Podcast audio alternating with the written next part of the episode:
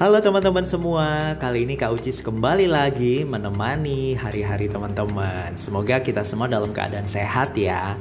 Nah, buat teman-teman yang suka sekali hobi kuliner ataupun juga buat teman-teman yang susah makan, nah semoga satu informasi ini bisa berguna nih buat teman-teman.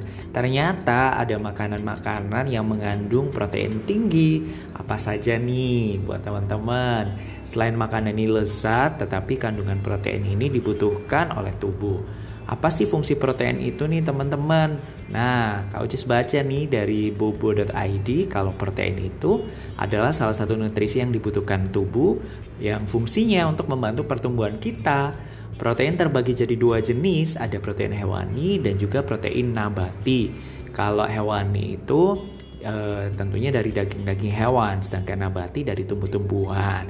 Apa saja? Yang pertama ada telur nih. Ini merupakan salah satu sumber protein untuk tubuh kita.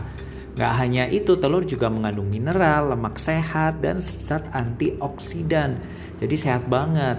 Kemudian juga yang kedua ada kacang almond, ini nabati ya. Nah ini juga mengandung protein yang tinggi.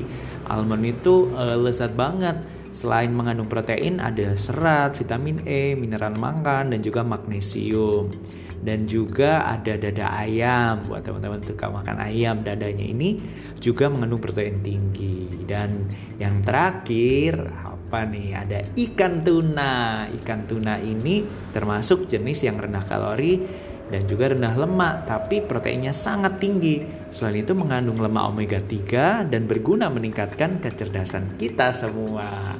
Oke, semoga juga informasi ini bisa berguna buat teman-teman yang masih susah makan, bisa nih dicoba makanan-makanan yang mengandung protein tinggi yang sudah Kak Ucis infokan tadi buat teman-teman. Oke, sampai ketemu lagi teman-teman semua.